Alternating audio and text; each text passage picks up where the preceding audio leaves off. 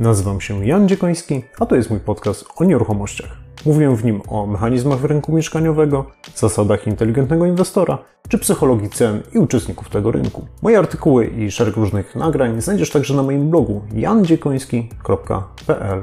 Jeżeli jesteś profesjonalistą i żyjesz z rynku nieruchomości, to zapraszam Ciebie także na mój serwis analityczny fltr.pl, gdzie razem z zespołem dzielimy się analizami i doradztwem dla uczestników naszego rynku.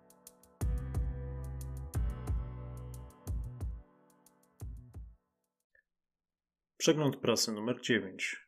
5-12 kwietnia 2021. Tydzień po Wielkanocy zafundował nam kaca. Kaca związanego ze śmiertelnym czniwem trzeciej fali koronawirusa, bo osiągnęliśmy w Polsce wskaźniki śmiertelności na poziomie praktycznie przewyższającym dwukrotnie większe od nas Niemcy i na poziomie Stanów Zjednoczonych. I niestety mm, walka z koronawirusem spowodowała, że niestety nie staliśmy się e, gospodarczą zieloną wyspą wzrostu, Pokazało to badanie Międzynarodowego Funduszu Walutowego, które przewiduje, że w ciągu najbliższych trzech lat cały świat urośnie przeciętnie o 7,1%, a Polska zaledwie o 5,2%, co plasuje nas na 58 miejscu ze 196 badanych przez Międzynarodowy Fundusz Walutowy państw. I kolejne lockdowny spowodowały, że nasza gospodarka straciła część impetu i przewagi nad innymi.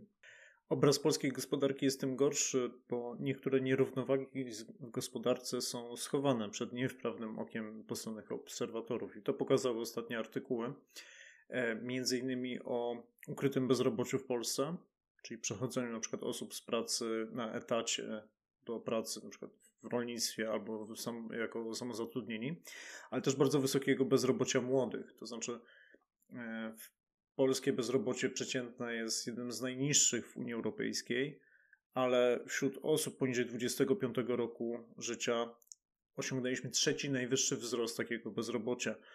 E, przed pandemią to było około 10%, obecnie to jest około 15%. A to właśnie młodzi napędzają rynek kupna i wynajmu nieruchomości.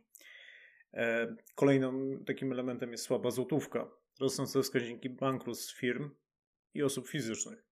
Wszystko to mimo zasilania gospodarki zerowymi stopami procentowymi.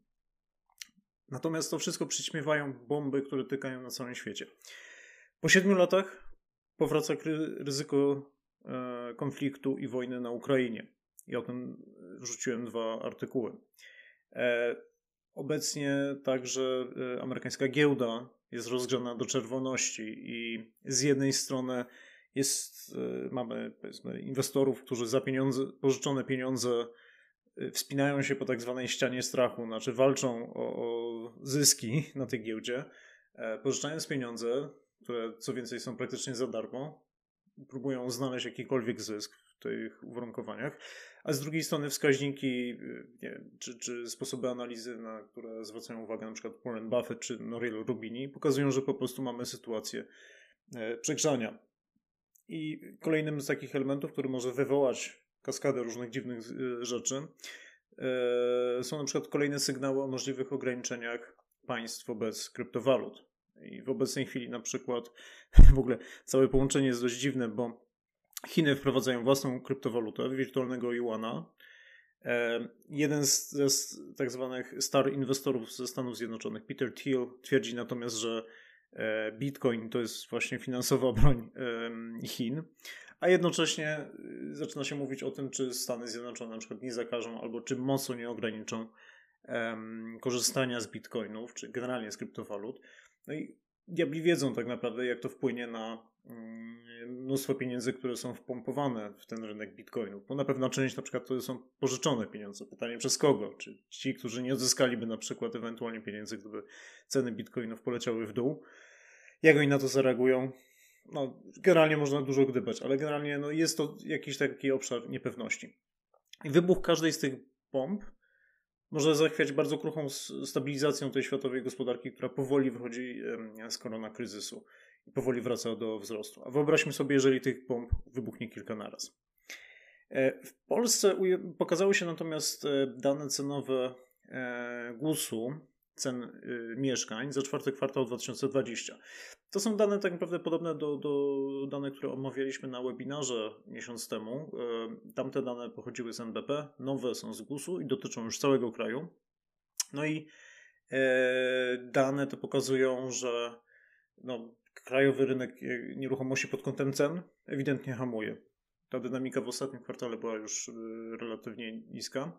E, więcej o tym no, e, opisałem i opowiedziałem w e, artykule, który znajdziecie, do którego link znajdziecie w poście właśnie o przeglądzie prasy. I ewidentnym przyczynkiem spadku tej dynamiki na pewno jest ciągle segment mieszkań na wynajem, którego zapaść nadal się utrzymuje. Długie okresy do wynajęcia mieszkania, spadek czynszów, no to są problemy, które ewidentnie biją w część rynku e, mieszkaniowego.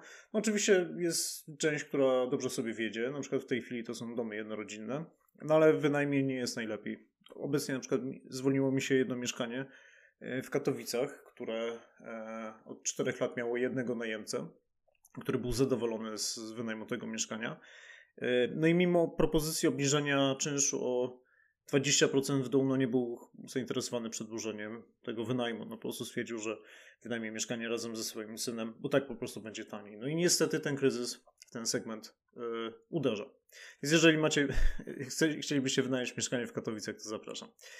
A z drugiej strony jednocześnie y, mamy taką sytuację, że mimo spowolnienia tych cen i problemów w części rynku, kupujący mieszkania u deweloperów. No to są z reguły początkujący inwestorzy, to są osoby, które kupują pierwsze mieszkanie mm, lub osoby, które trochę spekulują na cenach i z reguły robią to na kredyt, który dzisiaj jest bardzo tani. Raczej nie dostrzegają tych wielu problemów. A obserwując po wynikach pierwszych trzech miesięcy tego roku w zakresie sprzedaży giełdowych deweloperów, e, no tak naprawdę nie, nie, widać, nie widać jakby tego kryzysu. I trochę nie dziwota, no bo deweloperzy w trosce o kursy akcji zapowiadają dalszy wzrost produkcji, co też osoby, powiedziałbym, nie siedzące głęboko w rynku e, zachęca do działania. mam nadzieję tylko, że ten koncert finansowany tanim kredytem nie skończy się tak, jak może skończyć się bańka na amerykańskiej giełdzie, o czym też możecie przeczytać e, w artykułach, które znalazłem w tym tygodniu dla Was.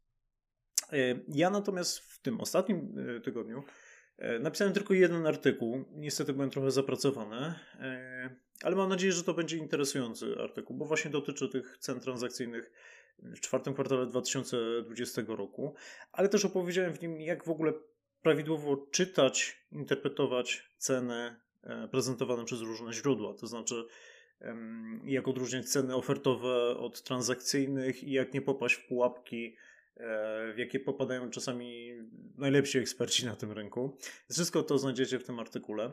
I e, napisałem także posta o tym, dlaczego i po co założyłem profil na patronite.pl. I zapraszam serdecznie Was do przeczytania tego artykułu i ewentualnie wsparcia mnie, jeśli lubicie to, w jaki sposób działam, o czym mówię, o czym nagrywam. I wreszcie mam nadzieję, że przynajmniej usłyszycie to. Poprawiłem nieznacznie jakość nagrań na Spotify. Troszeczkę nauczyłem się post-processingu. Dajcie mi znać proszę, czy jest lepiej. E, natomiast na następny tydzień, mimo e, tej ilości pracy, którą mam poza blogiem, no, planuję kilka rzeczy. I e, w ciągu kilku dni chciałbym, żebyście mogli zobaczyć trzecią część artykułu z cyklu Trendy cenowe w długim horyzoncie.